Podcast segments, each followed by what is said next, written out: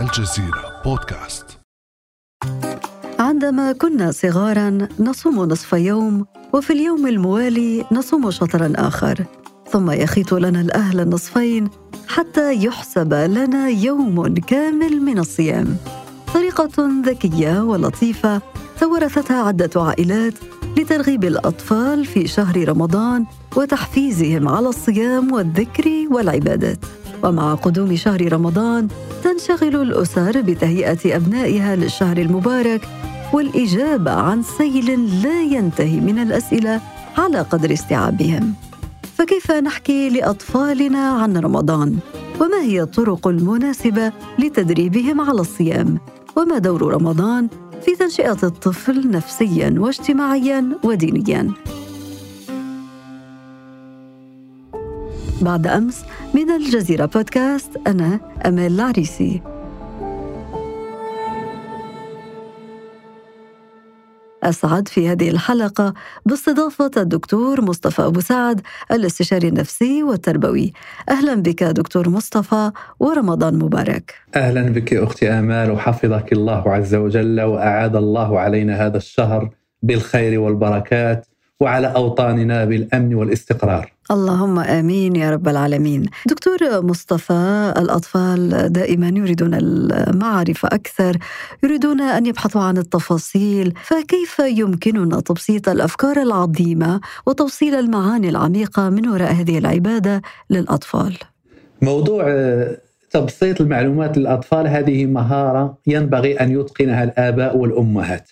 تبسيط المعلومات للأطفال هو أن نحدثهم بلغة بسيطة مفهومة لكن ليس بنطق يشبه نطق الطفل. ولذلك بعض الآباء والأمهات يخطئون في التحدث مع الطفل فينزلون إلى نطق الأطفال. وهذا نوع من التقليل من قيمة الطفل وأيضا هو نوع من تأخير نمو الطفل اللغوي. الأطفال يستوعبون ويخزن يخزنون كل المعلومات. وبالتالي نعطيهم معلومات بسيطة ومعروفة ومحددة بدون التفاصيل. رمضان شهر الصيام والصوم فريضة فرضها الله على المسلمين كما فرض على باقي الأمم من قبلنا. كان اليهود وكان النصارى وكانت الأقوام الأخرى كلهم يصومون. ولكن دكتور أحيانا تكون الأسئلة آه، صعبة وليس كل الآباء والأمهات عندهم هذه المهارات التي تمكنهم من تقديم إجابة دون تفاصيل. مثلا سؤال لماذا نصوم؟ ولماذا الخلاف على رصد الهلال بين دولة وأخرى؟ أول شيء لماذا نصوم؟ هذا سؤال مهم وأعتقد هو أهم سؤال يرتبط بالعبادات على الإطلاق. الصوم عبادة. لماذا نعبد؟ لماذا نصوم؟ لماذا نصلي؟ هذا سؤال مهم وعلينا فعلا أن نتقن فن الإجابات عليه. والإجابة عليه قد تأخذ منا مدة أسبوع، مدة عشرة أيام ونحن نتحاور حول لماذا نصوم. فأنا سأعطيكم إجابات بسيطة. الإجابة الأولى إحنا ما نحتاج إلى الدليل العلمي والدليل الشرعي والدليل الفقهي على لماذا نصوم. إحنا نحتاج إلى مفاهيم تحفز سلوك الإنسان. بمعنى نصوم لأن الصيام هو أمر الله. الله أمرنا بالصيام. والقرآن الكريم في آيات كثيرة تأمرنا بالصيام. اثنين نحن نصوم لنؤدي حق الله علينا. الله عز وجل يقول وما خلقت الإنس والجن إلا ليعبدون. وفي حديث معاذ بن جبل أتدري يا معاذ ما حق الله على عباده؟ قال أن يعبدوه ولا يشركوا به شيئا. رقم ثلاثة نحن نصوم حتى نكون أوفياء بعهد الله علينا. فإن الله عز وجل لما أراد خلق آدم أبونا وخلق الإنسان أخذ عليه عادا أن يعبده. ألم أعهد إليكم يا بني آدم ألا تعبدوا الشيطان؟ إنه لكم عدو مبين وأن اعبدوني هذا صراط مستقيم. رابعا نحن نعبد الله لننال محبة الله. نريد أن أن يحبنا الله. والله عز وجل يحب من يعبده وما يزال عبدي يتقرب إلي بالنوافل حتى أحبه. خامسا نحن نعبد الله لنشكره. إن الله قد أعطانا من النعم ما يعد ولا يحصى أعطانا الصحة والعافية والأسرة وأعطانا الأكل والشرب وسخر لنا كل هذا الكون. ومن باب الشكر الشكر بالعبادة. اعبدوا بل الله فاعبد وكن من الشاكرين. اعملوا آل داود شكرا. إلى غير ذلك إذا نشكر الله على النعم. فعندما نصوم نحن نشكر الله على نعمة كل النعم التي أعطانا إياها. أيضا نعبد الله ونصوم لأن الله قد أعد للصائمين بابا في الجنة لا يدخل إلا من كان يصوم وهو باب الريان. وهكذا نستمر في أشياء كثيرة مثل هذه. وكل واحدة ممكن مفهوم واحد في يوم. هنا دكتور مصطفى يمكن للطفل أن يسأل فيما يختلف هذا الشهر عن غيره من الأشهر. أنت تحدثت منذ قليل عن حب الله. نحن نحب الله دائما وأبدا هكذا سيقول الأطفال. فكيف يمكن أن يشعر الأهل أبنائهم بمكانة وفضل هذا الشهر المبارك؟ ممتاز. نعلم أبناءنا أن لله عز وجل في هذا الكون نفحات وأيام وفي هذا الدهر أيام. ميزها الله عز وجل عن باقي الأيام. من طبيعة خلق الإنسان أنه إنسان مرن فيدي تتحرك وتدور كما أريد. وعندي معصم وعندي مرفق وعندي كذا نتحرك بمرونة. من طبيعة هذه المرونة التي خلقنا عليها أن الله عز وجل لم يجعل حياتنا كلها روتينا واحدا وإلا دخل الإنسان في الملل ودخل في الكسل. ولذلك ونحن كل أسبوع تأتينا يوم اسمه يوم الجمعة. وكل سنة يأتينا شهر اسمه رمضان. فهذا رمضان فيه تغيير تام وكبير في حياة الإنسان. بشكل كبير. يعني نأكل بالليل ونصوم بالنهار. شهر عرف بالقرآن وعرف بالعادات الإيجابية وعرف بالصدقة وبالزكاة وبزكاة الفطر وغير ذلك. حتى من بركات هذا التغيير هو أن رمضان يتمنى المسلم أن لا ينتهي. وهو أكثر شهر سرعة. نحن قد تأتينا بعد شهور طويلة جدا حتى الناس يكادون يقولوا متى ينتهي هذا الشهر؟ إلا رمضان نقول كيف انتهى ولم نشعر به.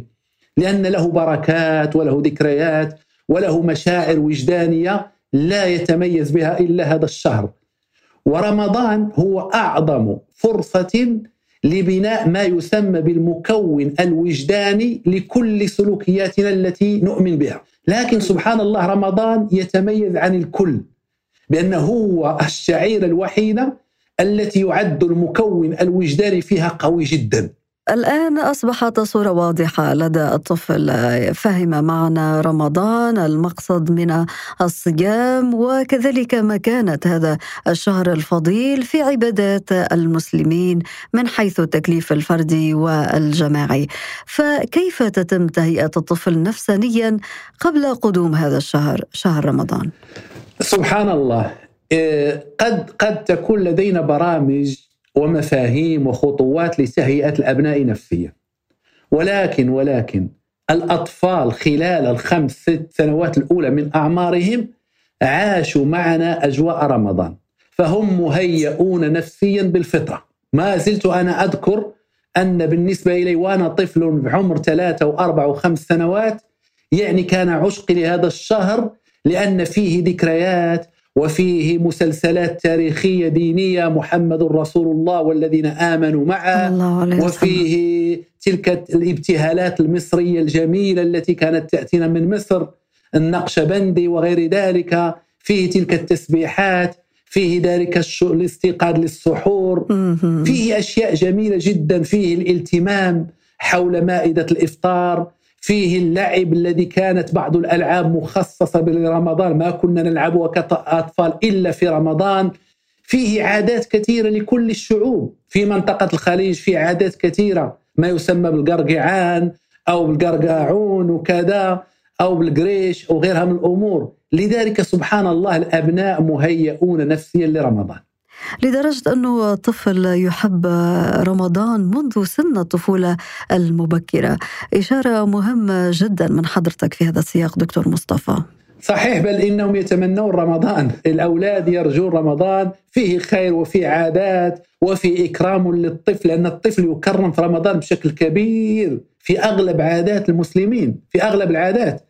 يكرم وهو يحاول الصيام حتى لو صام نصف يوم، يكرم إذا صام اليوم كله ويكرم بالهدايا ويكرم بأشياء كثيرة جدا. الطفل عندنا مثلا في في في الكويت الحين إحنا في الكويت الأطفال ما شاء الله عندهم يوم القرقعان يخرجون إلى بيوت الجيران وكل البيوت مليئة بالحلوى والهدايا وكذا.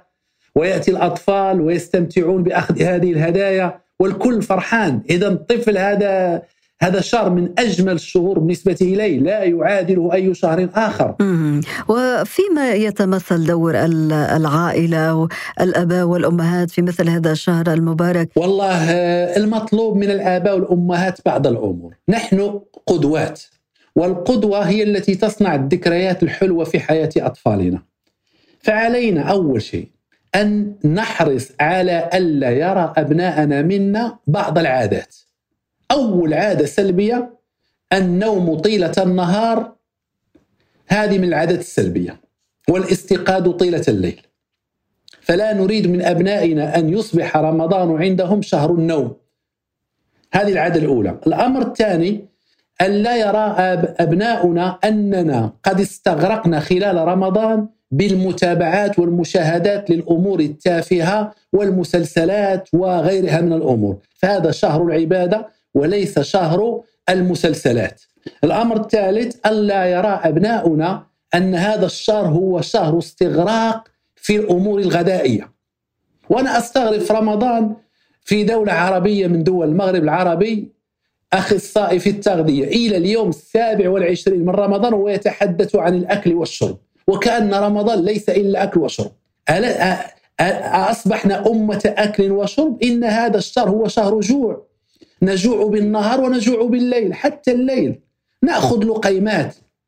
حتى نتعود هذا الجوع غير فضائله الصحية. علينا أن نشعر بحياة الفقراء والمحتاجين ومن يعانون من حالات كارثية أو حالات نوازل كزلازل أو فيضانات وغير ذلك. من الأشياء السلبية أن بعض بعض الناس يقترضون قرضا اضافيا من أجل الأكل في هذا الشهر. صحيح. بعض الوزارات سمعت في وزارة دولة عربية يطلع وزير يقول اطمئنوا عندنا وافر من التغذية التي تكفينا لشهر رمضان.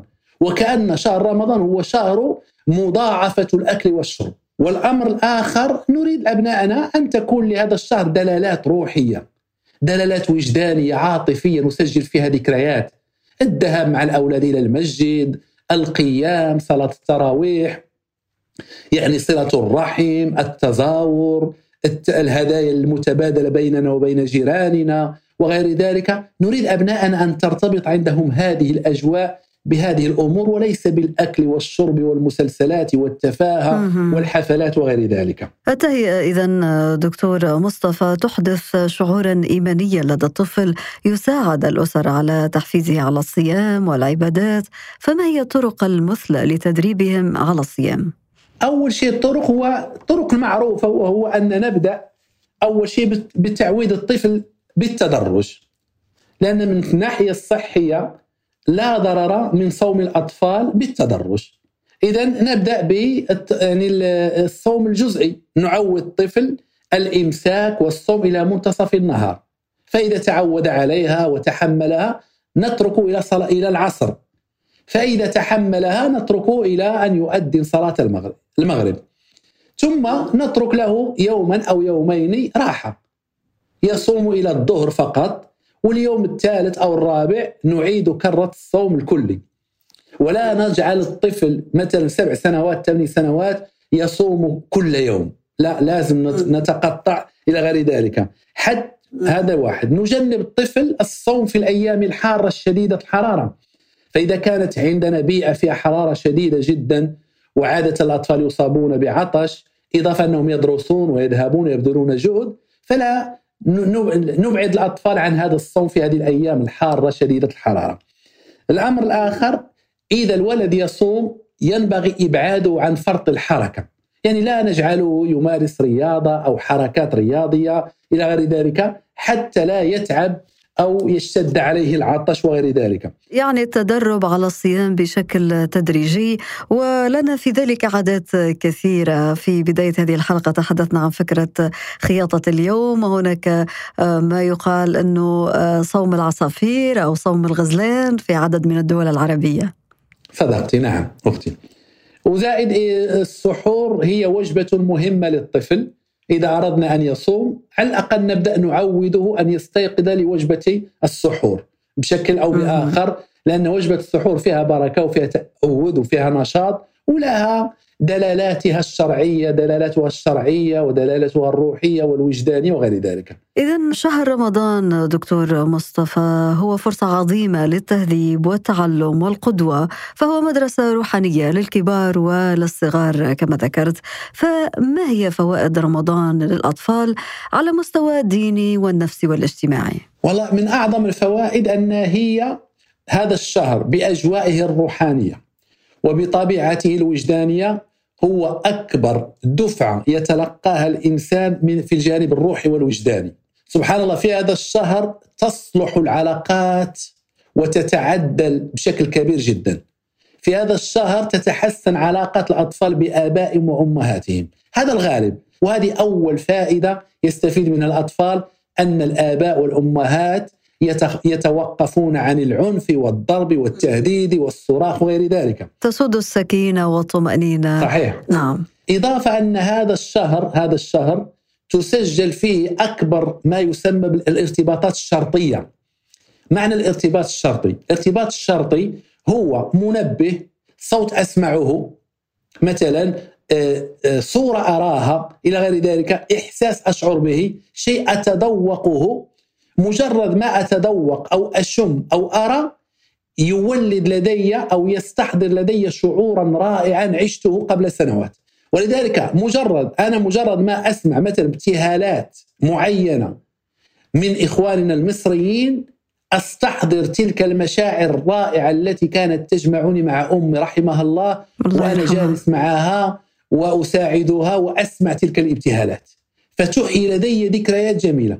مجرد ما أرى تلك الأشياء التي تعودنا شربها وأكلها في رمضان تحيي عندنا هذه المشاعر الإيجابية. فهو فرصة لتشكيل الارتباطات الشرطية الإيجابية في حياة الإنسان بما فيها الارتباط بالمسجد الارتباط بالدعاء الارتباط بدعاء القنوت الارتباط بصلاة التراويح إلى غير ذلك. فهي ارتباطات شرطية. لو عرفنا أهمية الارتباطات الشرطية في العلاج النفسي وفي الوقاية النفسية لأدركنا أهمية هذا الشهر المبارك. ولذلك هذا شهر شهر مبارك فضيل تسجل في أعظم الذكريات. حتى آبائنا أمهاتنا لعل أعظم الذكريات التي تخلد في ذاكرة الإنسان لا شعورية هي ذكريات شهر الصيام ورمضان والتزاور ويوم العيد الفطر وصلاة العيد وغير ذلك. كل هذه الأبعاد الثقافية والاجتماعية والنفسية والدينية التي أشرت إليها دكتور مصطفى هي أيضا مرتبطة بمجموعة من الأنشطة الرمضانية الخاصة بالأطفال في مقدمتها مسابقات حفظ القرآن، تعليم الصدقات من خلال حصالة أو صندوق تبرعات لشراء ملابس العيد للمحتاجين، وأيضا ترك باب المنزل مفتوح لعابري السبيل، أذكر أنه في عائلتنا أمي تضع طبق هكذا. تقول على من يجي؟ إن جاء أحد أو إن احتاج أحد طبق خاص هكذا من الأفطار في ذلك اليوم لعابر السبيل. اي نعم هذه فعلا من الذكريات الجميلة وأذكر من ذكرياتي الجميلة مع أمي رحمها الله بصفة عامة ليس في رمضان فقط أنني كنت أريد أن أفرحها، كنت أبحث عن الفقراء، فإذا رأيت فقيرا أو متسولا يمر اخذ واقول تعال معي إلى البيت، فيأتي أمام البيت وأدخل إلى أمي أقول لقد جلبت لك فقيرا، وكانت تعطيني. براءة إما الأطفال آه. إما تعطيني مالا أو تعطيني أكلا ترتب وتعطيه وتفرح فرح شديد وتضمني وتشكرني لأنني أتحت لهذه الفرصة. ما شاء الله. ذكريات جميلة جدا دكتور مصطفى. نعم اللي ممكن الواحد يسجلها مع أسري. وهذه حال أغلب دولنا العربية. بس أنا زرت مرة دولة عربية هي السودان. فوجدت شيء غريب لم أره في أي بلد. أنهم يضعون الإفطار خارج البيت. ما في أسرة تفطر داخل البيت. في الشارع. ويذهب الرجال أولاد الرجال في الشوارع يبحثون بل يوقفون السيارات لتفطر. وزرته في قضيت يمكن أربع خمسة أيام فقط. رأيت هذا الشيء العجيب في السودان. جميلة جدا هذه العادة. نعم التكافل في أبهى مظاهره في هذا الشهر المبارك. هناك جانب آخر دكتور مصطفى. أعتقد أنه لابد أن نشير إليه وهي الطريقة العملية للتعامل مع بعض السلوكيات الخاطئة للطفل خلال شهر رمضان. هناك بعض الأطفال يتظاهرون بالصيام ونجدهم يتسللون إلى المطبخ ويلتهمون يقدمون بعض الأكل أو يشربون جرعة ما ويتظاهر أمام الجميع بأنه صائم. أي ما دام هو طفل ليس ملزما بالصيام وهو يريد أن يتظاهر بالصيام وعندما يلجأ إلى الأكل أو الشرب خلصة فهو قد أنهكه الصوم. بمعنى الولد لم يعد يستطيع التحمل لأن الصوم عادة الإنسان يستمتع بالصوم رغم أنه يشعر بالجوع والعطش. لكن عندما يلجأ إلى الشرب أو الأكل تعني أنه لم يعد بمقدوره واستطاعته أن أن يكمل. فنحن نتغاضى ونتجاهل نتغاضى ونتجاهل. حتى لو رأيته أعمل نفسي كان لم اره ونشكره لأنه ينوي الصيام وغير ذلك. إلى أن يتعود الطفل وغير ذلك. لذلك هذه من ليست أخطاء هذه من السلوكيات التي ينبغي يعني تجاهلها وتغافلها لأن الأطفال لا يخطئون إنما يعبرون عن حاجة بداخلهم. وربما هي فرصة ممكن يتخذها الآباء والأمهات حتى يحدثوا أطفالهم آه، بطريقة غير مباشرة عن أنه الصيام أيضا يشمل أنه لا نكذب نكون صادقين وغيره عبر قصص هكذا معينة مرتبطة بالقيم آه، الإنسانية بشكل عام وليس فقط في رمضان. أهم شيء أن لا نضبطهم ألا نعم. نضبطهم وهم يخطئون. غض الطرف يعني. إي نغض الطرف ونتغافل وغيرها من الأمور. فهذه طبيعي عند الأطفال وكذا ما دام هو طفل غير مكلف بالصيام. فهذه من باب شيء طبيعي جدا نترك الأطفال. حتى لو شرب قد يعتقد أنه مجرد شرب بس هو ما زال صائما. لا بأس لا بأس. هذا الطفل سيتعود ويتعلم وغيرها من الأمور. وذلك عملية تدرج دائما مطلوبة. حتى في تعليم أولادنا الصلاة هناك عمليه تدرج من من سبع سنوات إلى عشر سنوات. يصلي صلاة واحدة في السنة الأولى. السنة الثانية يصلي ثلاث صلوات. السنة الثالثة نعلمه يصلي الخمس صلوات. يعني بالتدرج.